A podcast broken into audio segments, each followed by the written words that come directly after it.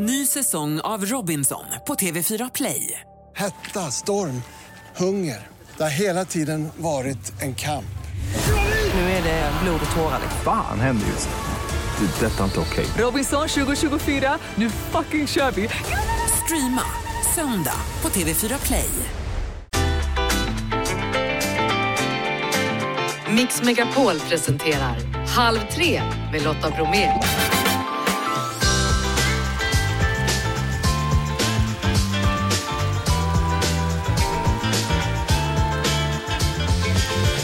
Hallå där och varmt välkommen in i Halv tre-studion. Det är fredag hörni, så självklart så blir det häng idag med Andreas Weise och före detta handbollsproffset Linnea Claesson. Och jurist är hon dessutom.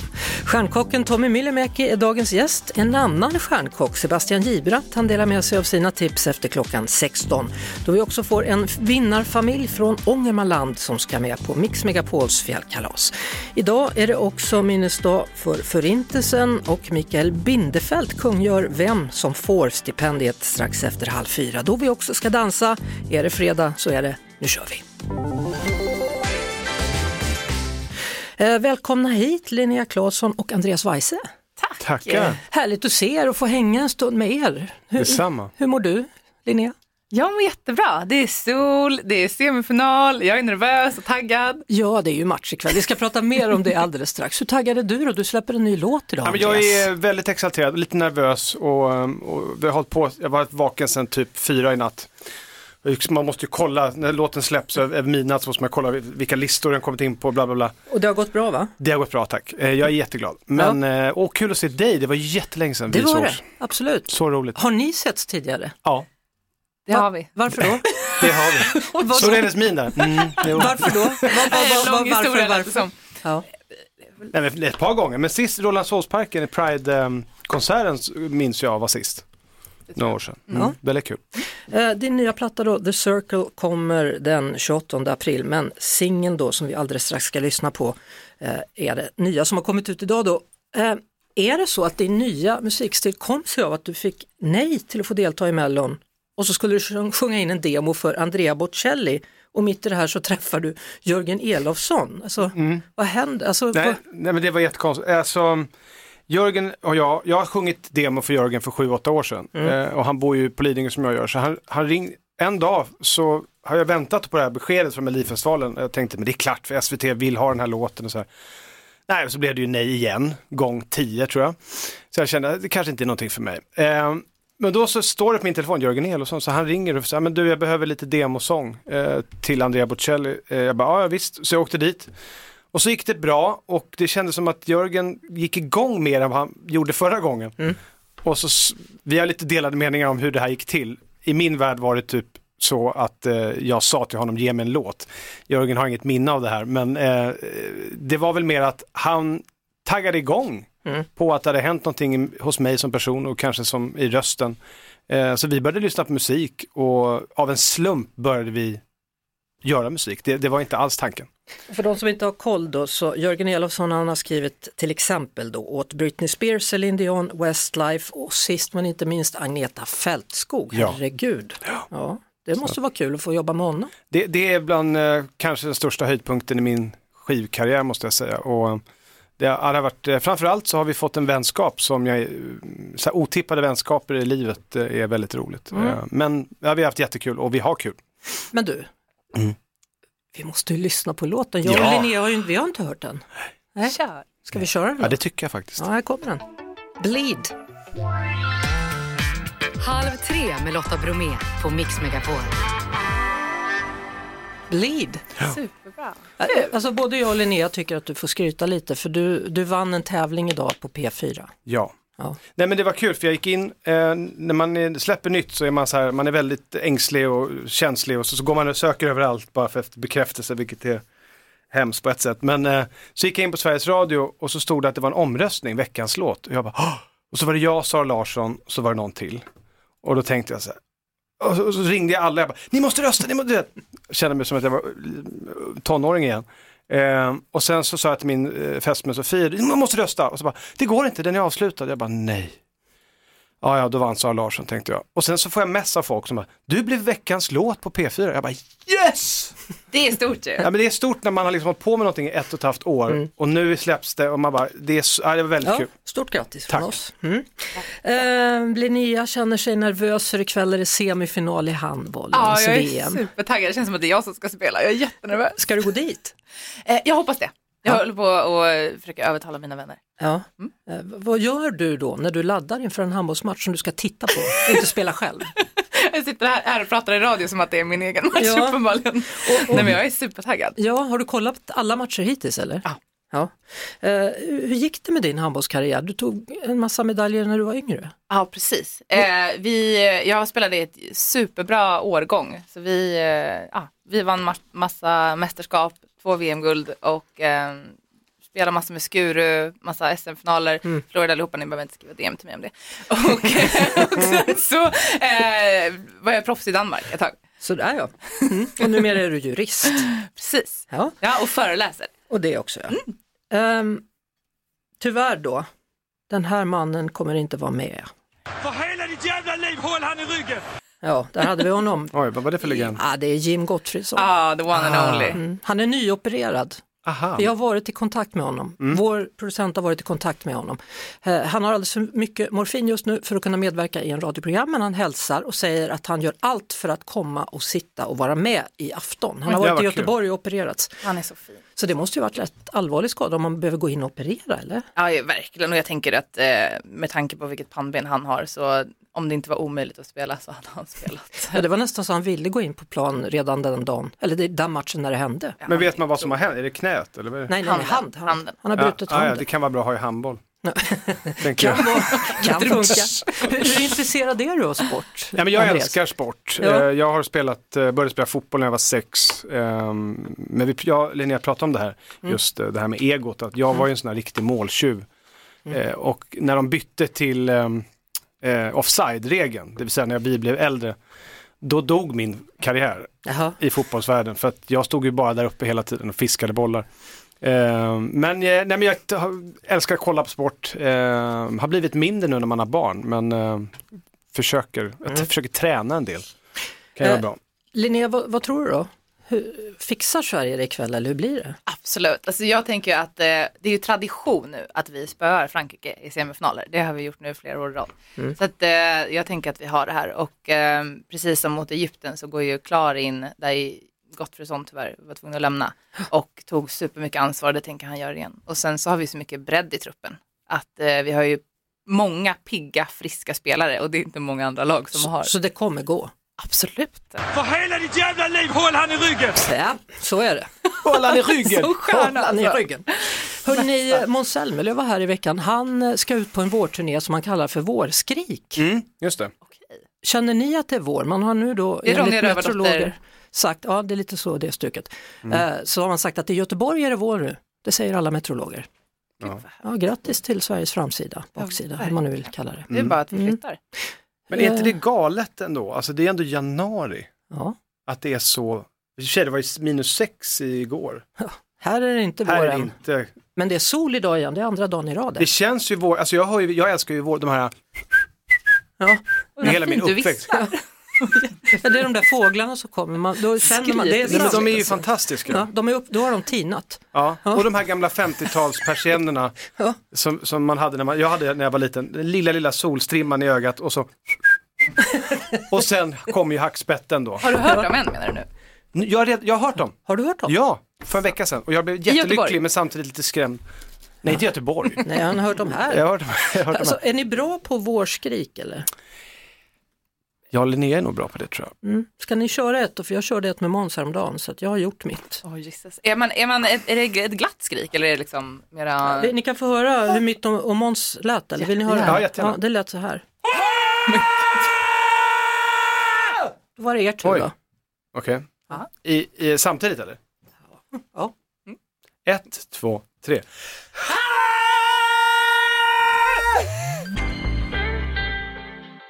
Nu ska vi prata kärlek eller vad vi nu ska kalla det för. Love Island Sverige har precis börjat, Paradise har precis slutat, Hotell Romantik är igång och Vild kärlek börjar på tisdag. Dessutom F-boy Sverige eh, det pågår.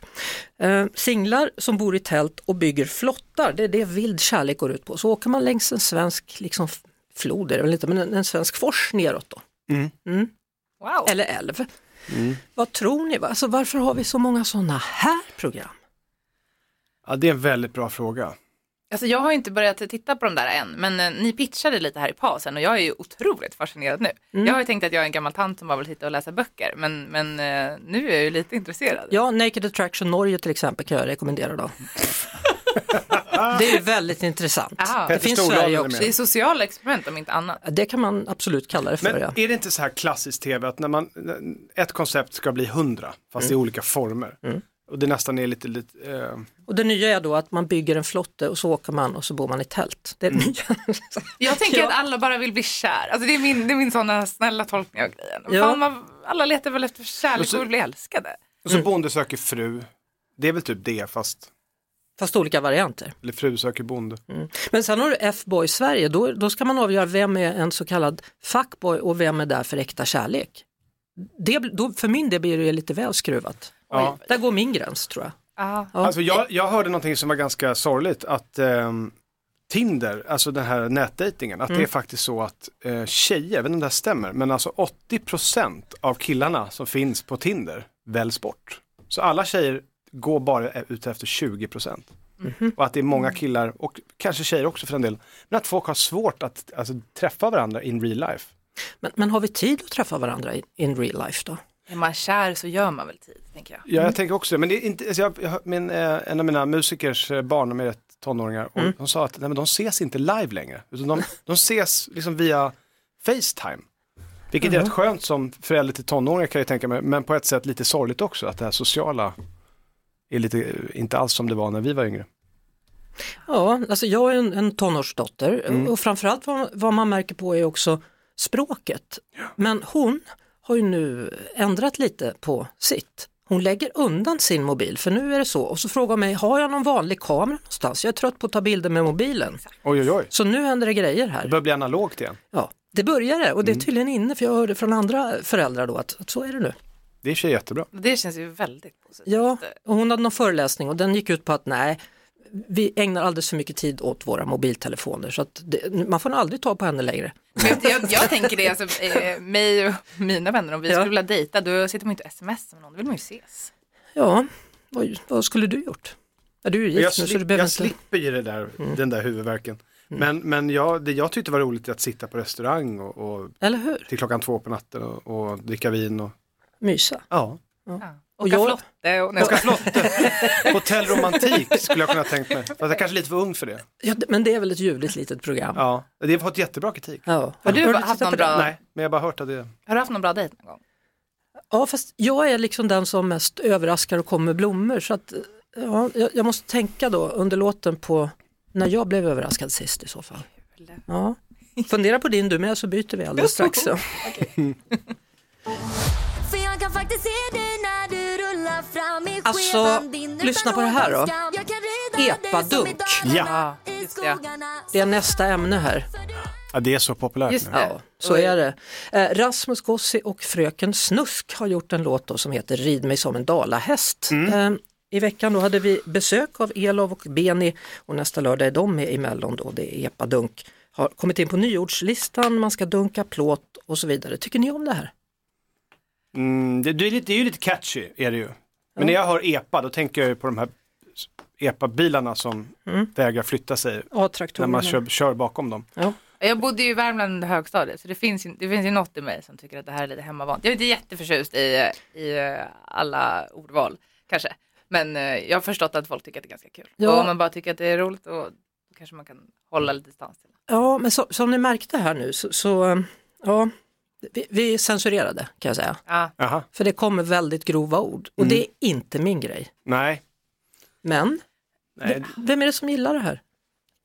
Men det är väl ungdomarna som lyssnar på ungdomarna, låter som att jag är... Gamla gubbar. Ja, alltså, jag lyssnar på typ Leonard Cohen och Ja, men yngre än vad jag är i alla fall. vet inte. Vad sa du? Yngre än vad jag är. Men det känns som att det här har slagit igenom jättekraftigt. Ja, det har ju och det. på Spotify är det verkligen eh, exploderat. Ja, och, Det är så, det är, så, så är det väl alltid, det kommer alltid genrer som blir jättestora och sen så. Och nu är den här här i alla fall. Oh ja, oh ja. Och tar sig in i Melodifestivalen då. Ja. Som du fick nej till.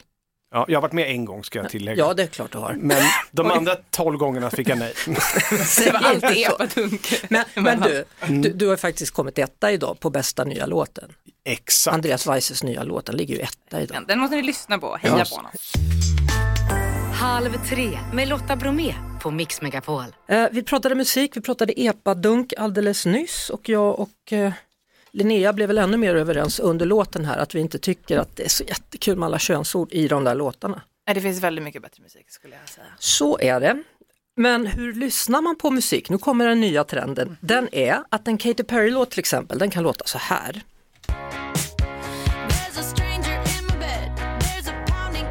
There's Så låter den ju i original, men nu är det inne att lyssna på låtarna i uppspeedat tempo. There's a stranger in my bed. There's a pounding in my head. Så här smurfigt.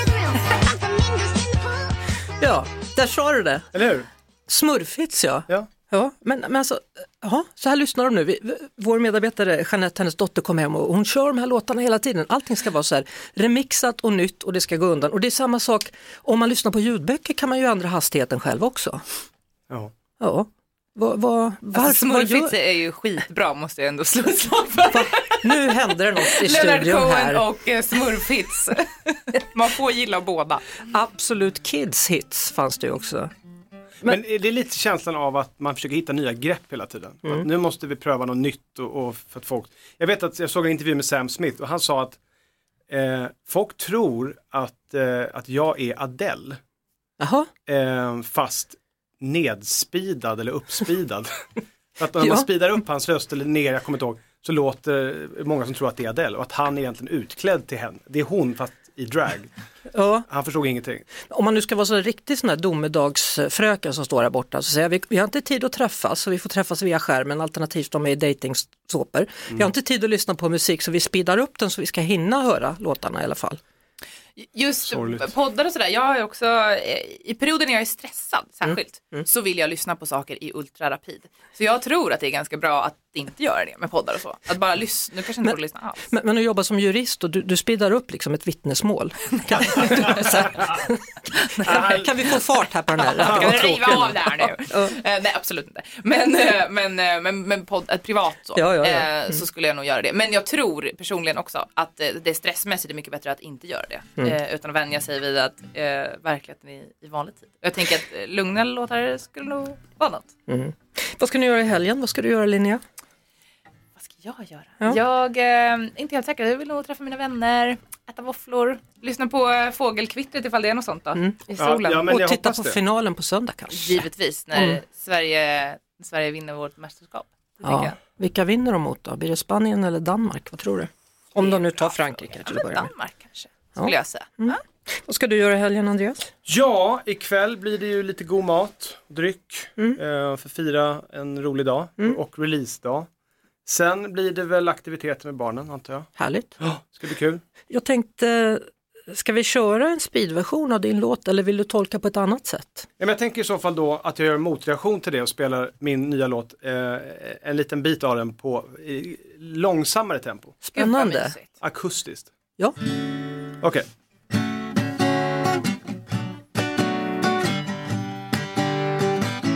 Lite lägre mm, varmt och mysigt här också. Vårkänsla va? Ja, det var det. Inga skrik nu. There's a bone cold chill running through my veins, and I know what it's all about. Hear that humdrum rain falling on my brain, and I know what it's all about. Hey, you quit running circles round my perfect happy life. I can see you there over in the corner sharpening your knife. I'm feeling divided, so undecided. You're cutting through with an incredible speed. You need to be careful, you got to be cool. You need to be sensible some kind of fool, or I'm gonna bleed. I'm gonna bleed. I'm gonna bleed. I'm gonna bleed. I'm gonna bleed. Underbart, stort tack! Tack själv. Andreas Weise och stort tack Linnea Claesson. Hoppas vi ses igen här då Tack själv. på helg Gärna. framöver. Halv tre med Lotta Bromé på Mix Megapol. Klockan är sex minuter över 15. Du lyssnar till Halv tre med Lotta Bromé och nu hälsar jag då här på Mix Megapol Tommy Myllymäki, välkommen! Tack så mycket. Ja du, nu är Bocuse d'Or-äventyret avklarat. Premiären av Sveriges Mästerkock är gjord. Mm. Så vad återstår? Vardagen. Ja, hur är Ja. det att, att liksom gå från allt det här, det har varit otroligt mycket stress och förberedelse till, till vardagen? Ja, men det känns ju faktiskt ganska härligt. Det har varit eh, i, i, för tio år sedan i mitt liv så var det väldigt stressigt under lång tid, i sex, sju år. Och sen så bestämde jag mig för att göra, tacka nej till lite fler grejer och, och fokusera på vardagen. Sen nu har det blivit med Mästerkocken och med att jag är då president för Bocuse i Sverige så eh, har det blivit ganska mycket nu periodvis, men det är inte för alltid utan det är bara lite stötvis sådär så man får eh, jobba lite mer än vanligt. Hur gick det i Lyon nu då med Bocuse d'Or och Sverige? Ja men saken är den så här att det gick väldigt bra för Sverige och vi är ju faktiskt i en situation där vi känner oss lite bortdömda på poängen. Det är så att vi kom, Jimmy och Tilda som jobbade i boxen och Martin som var coach, eh, de presterade mat som när juryn bedömde, som jag då sitter i juryn, med smak och visuella utseendet, då var de på andra plats på båda de uppgifterna som vi hade, vilket normalt brukar betyda att man kommer tvåa eller trea i tävlingen. Danmark var bättre, absolut, men sen så har det då tillkommit en kökspoäng och där vi känner oss väldigt, väldigt eh, konstigt bedömda och jag har faktiskt till och med skrivit in och frågat varför, för att Du har lagt in en protest som man säger på Ingen sportspråk. protest, men jag har lagt in en, en, eh, en fråga om feedback, för vi måste ju få veta vad det, vad är det som har hänt. ja, för vi ja. upplever att vi inte har gjort någonting som är, vi har jobbat snyggt och professionellt Mm. och får en, en score som är ja, ja, väldigt låg. Men du, alltså, är, du är vinnarskalle eller? Ja, och framförallt i den här tävlingen så, alltså, så är min roll att se till att Jimmy då som är våran kandidat, att han, att han ska kunna vinna tävlingen och ha Mm. de förutsättningar som finns där och han har gjort jobbet och helt uppenbart så tycker alla att han har gjort en väldigt bra mat och sen helt plötsligt blir man bortdömd på någonting som vi inte riktigt känner att vi kan kontrollera. Mm. Och det känns orättvist, framförallt för hans och Tildas skull som var värda att stå på pallen. Mm. Eh, jag nämnde innan då att Stockholm invigs som Europas gastronomiska huvudstad här i februari och samtidigt då så har tre stjärnkrogar stängts i staden. Noma har, ska stängas i Köpenhamn och det talas om en, ett slut då på en fine dining-era. Man undrar vad är det som händer? Vad tänker du om allt det här? Ja, men givetvis tycker jag det är tråkigt för att den här typen av restauranger behövs någonstans för att driva utvecklingen framåt. Ofta så, så jobbar man med kanske det senaste eller någonting som sen ändå påverkar branschen på ett eller annat bra sätt. Nu finns det ju massa olika anledningar till varför man stänger de här olika restaurangerna och det behöver kanske inte jag gå in på här. Men jag tror att det, i och med pandemin och det ekono- ekonomiska världsläget vi är i så går ju våran bransch och många andra branscher för den delen igenom en, en liten eh, ett stålbad där man kanske måste se över vad är det för affärsmodell man har, hur jobbar vi kring det här, vad har vi för hållbarhet vad gäller personal och liksom den arbetstider och så vidare. Vilket, det är ju ingen hemlighet, våran bransch har kanske inte varit den bästa branschen sedan, sedan tidigare, men det har skett en väldigt, väldigt fin förändring och den är väldigt stark på frammarsch. Så jag tror att det faktiskt bara är en tillfällighet att det här händer just nu. Eh, och de här restaurangerna, många av de här som stänger i Sverige, Ma- Magnus Agneta på de har ju funnits jätte- jättelänge och börjar bli gamla. De vill liksom inte driva den grejen vidare. Nej, de är för det är ett slit att göra det här. Ja, det ska man och ha klart för sig.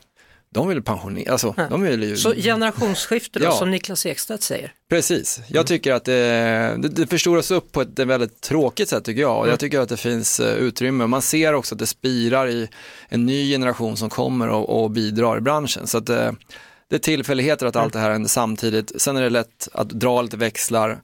Noma har fått lite negativ press på lite olika saker i hur arbetstider är och så vidare, mm. löne, lönesammanställning. Men eh, jag tror att det finns en, en framtid för det här. Mm. Du, på din restaurang Aira då, där kan man ju äta flott, men hur ser det ut hemma? Är Mm. det någonsin falukorv och snabbmakaroner? Absolut, hela tiden. Nej, hela Nej, tiden. men jag är alltså precis som vem som helst så Ja. det, det är inga, jag lagar mat, alltså jag lagar all mat och, och, eh, och, väldigt lite för, halvfabrikat och, och så vidare, utan lagar all mat på riktigt. Och det tycker jag är viktigt att man känner doften, känslan hem, i hemmet. Men väldigt mycket anpassad mat för att det ska funka i en, en eh, snabb vardag, liksom, där det är träningar och annat eh, som sker hela tiden. Och den här maten är absolut inte mer avancerad än någon annans eh, vardagsmat, tror jag. Sen kanske jag, när jag har tid och möjlighet, har kunskapen att kunna göra ja, i princip vad som helst hemma. Ja. Stämmer det att du har mat på väggarna hemma? Ja, lite bilder på mat, ja, stämmer. Och, och insekter? Ja, det var Va- någon som hade koll på. Ja, hur, varför kombinerar du de två grejerna? Eh, nej men eh, det där är väl några konstverk som jag köpte som jag tycker är fina med, med eh, som är små fjärilar och så vidare. Och jag tyckte också det var fint, själv hade jag några tavlor när jag var yngre som, som, jag, blev, som jag alltid har satt sig fast i minnet som mormor hade eller man hade hemma och sådär. Och jag tänkte att Vad det var här det på såna- dem? Vad sa du? Vad var det på dem? Ja men det var de här städerna, jag minns inte men det var så figurer i olika städer liksom som, som fanns. Det var typ som en eh, duk man kunde hänga upp. Eh, mm, och det där minns jag fortfarande och det, jag tänkte att de här insekterna framförallt, att eh, barnen går ju förbi den där varje dag och någonstans kommer den kanske etsa sig fast i, i, minnet. En, det är en ganska subtil målning så man måste, på långt håll ser man att det är insekt, på nära håll så ser det bara som, ut som streck. Och sen matbilderna då dessutom. Ja, de finns lite, det är lite minnen från tävlingar. Du, du nämnde förut att du tidigare i ditt liv levde ett stressigare liv. Mm. Eh, Så här då, från 2007 när du vann Årets kock till 2015 och du tävlade i VM så startade du 11 företag, skrev fem kokböcker, startade fem restauranger, blev pappa tre gånger och gjorde 500 matlagningsavsnitt på TV4. Dessutom så pendlade du mellan Jönköping och Stockholm och sov fyra timmar per natt. Ja. Det var ju så här, i de här, i de här restaurangerna, så, alltså 11, så var ju restaurangerna också med där, men det var lite bolag och lite annat. ja. Ja men det var, det var ju alldeles för mycket, givetvis. Men man lär sig där också. Jag, jag, skulle inte vilja ha den tiden ogjord på något sätt. Men däremot om jag skulle liksom kunna backa tillbaka så hade jag kanske bromsat några grejer och inte gjort allt samtidigt. Eller hur? ja. Du gick aldrig in i väggen utan du lyckades stoppa innan då. ja, nej men jag kände aldrig någon, någon sån känsla överhuvudtaget. Men däremot så idag så undrar jag hur, hur pallar det med det där livet då? För det var väldigt, jag gjorde väldigt många olika saker och det blev väldigt, väldigt lite sömn under en ganska lång period också. Och jag skulle aldrig i hela mitt liv ens sätta mig i den situationen idag. Men då var det väl att det var ganska många roliga saker, det var nya saker, nya projekt eh, och man fick väl energi av det också samtidigt. Men eh, nej, jag rekommenderar ingen att, att eh, ge sig in i en, den typen av ekorrhjul. Och sen Eh, förstod jag att du var med i Fångarna på fortet och från och med det så bestämde du dig för nu ska jag börja springa. Vad var det som hände? Ja men kortfattat kan man väl säga så här, att jag, jag spelade fotboll på en, en nivå med så här junior och pojkarsvenskan och vi var ganska ambitiösa och idrottade hela mitt liv. Eh, flyttade upp till Stockholm, började i restaurangbranschen, fortsatte springa ganska bra. Sen blev det mycket arbetsliv och fick lite småskador, ont i ryggen, lite problem. Tränade mindre, eh, kilon la, man la på några kilo, eller ganska många kilo.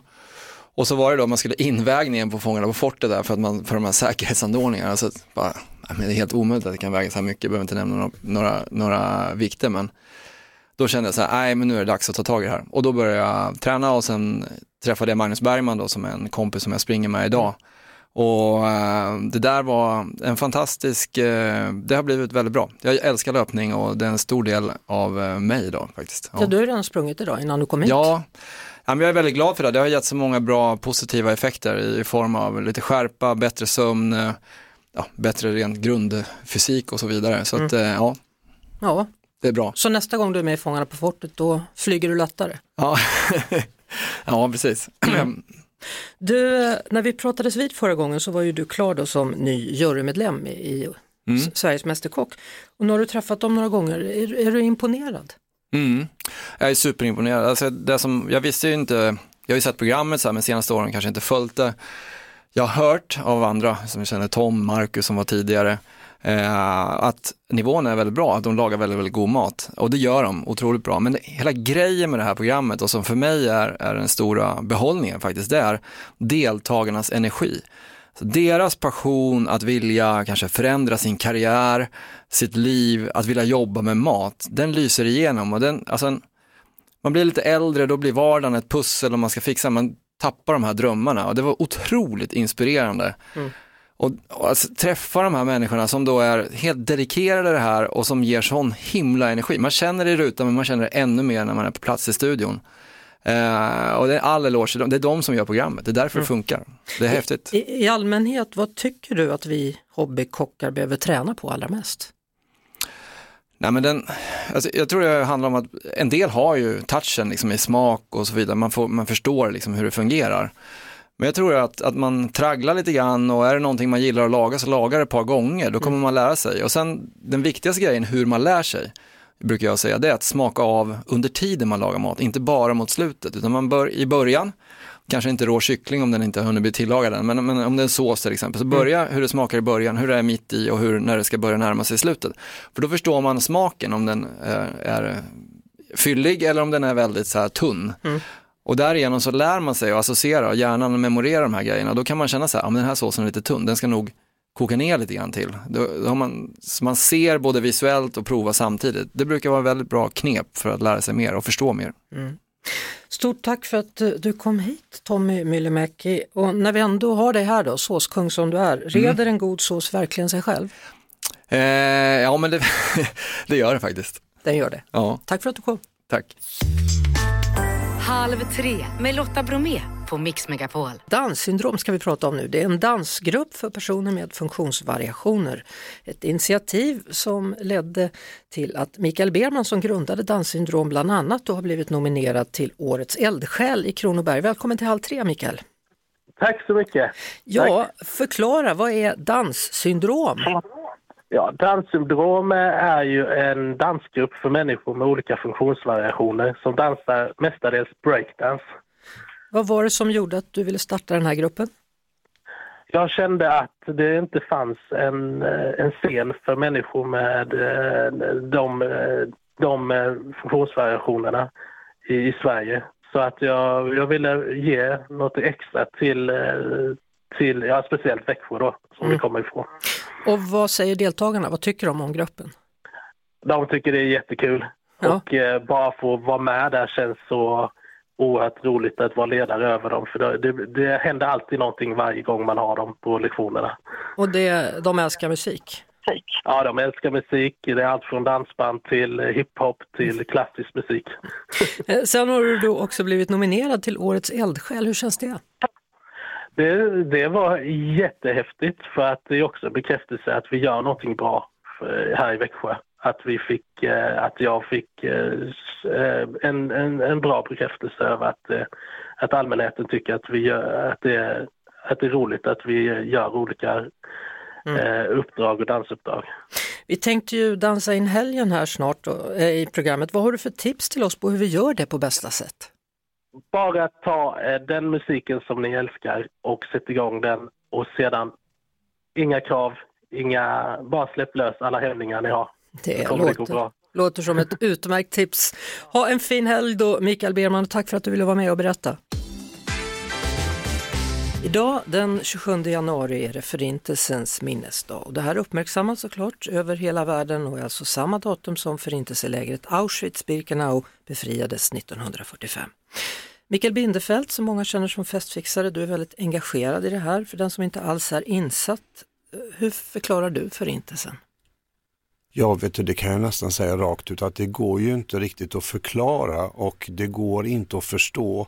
Och det är ju det som är så svårt att förklara det obegripliga och då har jag ändå varit på en resa genom Polen och besökt flera av de stora förintelselägren och minnesplatser och eh, jag förstår fortfarande inte, eller kanske till och med mindre än innan den resan.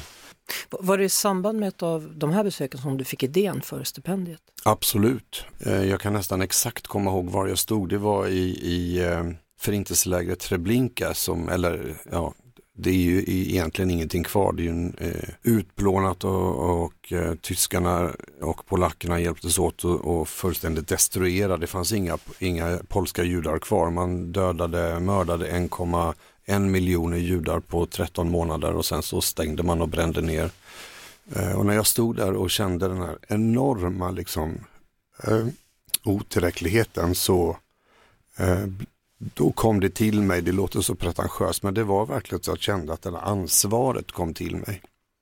Att jag hade ett ansvar att försöka att eh, göra något vettigt eh, av det jag kan och med, med mitt liv. Vad, vad min stiftelse gör och vad väldigt, väldigt, väldigt många arbetar med det är att tillse att de här berättelserna lever vidare nu när vi inte längre eh, har så många överlevande kvar som direkt kan berätta om sina upplevelser och då är det tenderar ju liksom de här berättelserna att eh, fejda bort och att eh, förintelsen blir en del av bara historien, inte en nutidshistoria. Var kommer ditt stora engagemang ifrån?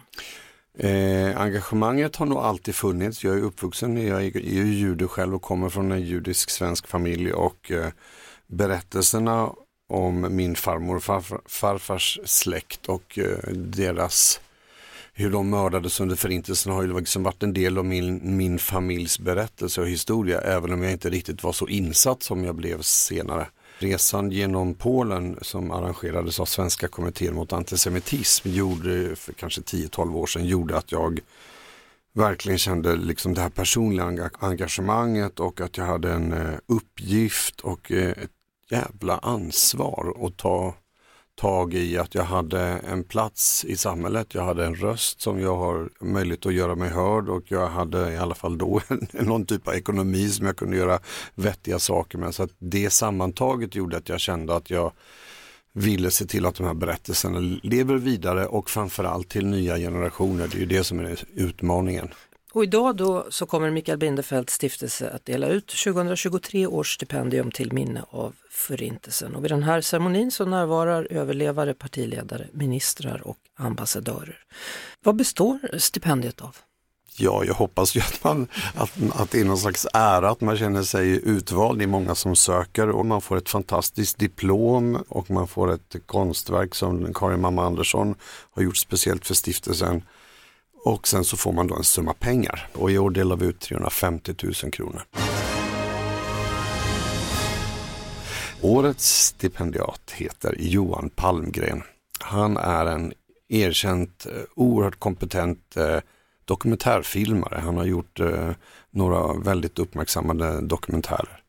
Och han har sökt stipendiet för att han vill följa några av de objekt eller artefakter som, som samlas in till det svenska förintelsemuseet som snart öppnar här i Stockholm, det första. Och eh, de till synes döda objekten får ju liksom ett fantastiskt liv och de bär ju på sådana berättelser när han följer med de här Mm. objekten hem till den eller de som donerar dem eller ger bort dem. Några är långt över 90 till och med. Alltså det är otroliga berättelser som han har eh, visat mig som jag har blivit så berörd av och eh, den här summan pengar gör att han kan göra en riktig film av de här små berättelserna. Avslutningsvis då Mikael Bindefeld, hur viktigt är det att vi berättar den här historien vidare?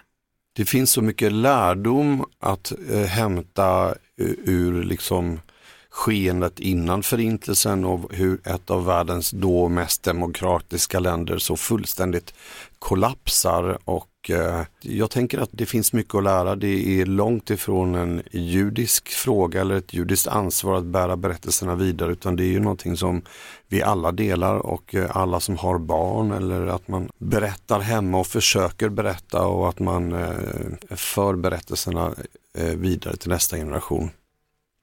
Tack så mycket Mikael Bindefeld. Tack för att jag fick komma hit. Självklart. Mat och vin. Han har kommit tvåa i kock-VM, Bocuse d'Or, anordnat Nobelbidagen och vunnit Kockarnas kamp. Varmt välkommen tillbaka då, stjärnkocken Sebastian Gibrant. Tack så hemskt mycket. Eh, vad känner du när man säger stjärnkock? Funkar det för dig eller? Alltså man har ju fått lära sig lite, det går ju lite i delad eh, mening att man har, jag har ju faktiskt ingen stjärnkrog och har haft det. Men samtidigt så får man väl se det att när man har varit och tävlat så jag ser det lite som en klapp på axeln och blir faktiskt ganska glad och tar det gärna. Mm. Du får det gärna också. Tack så hemskt mycket. Du är inne i februari här och vad, vad har vi för råvarusäsong?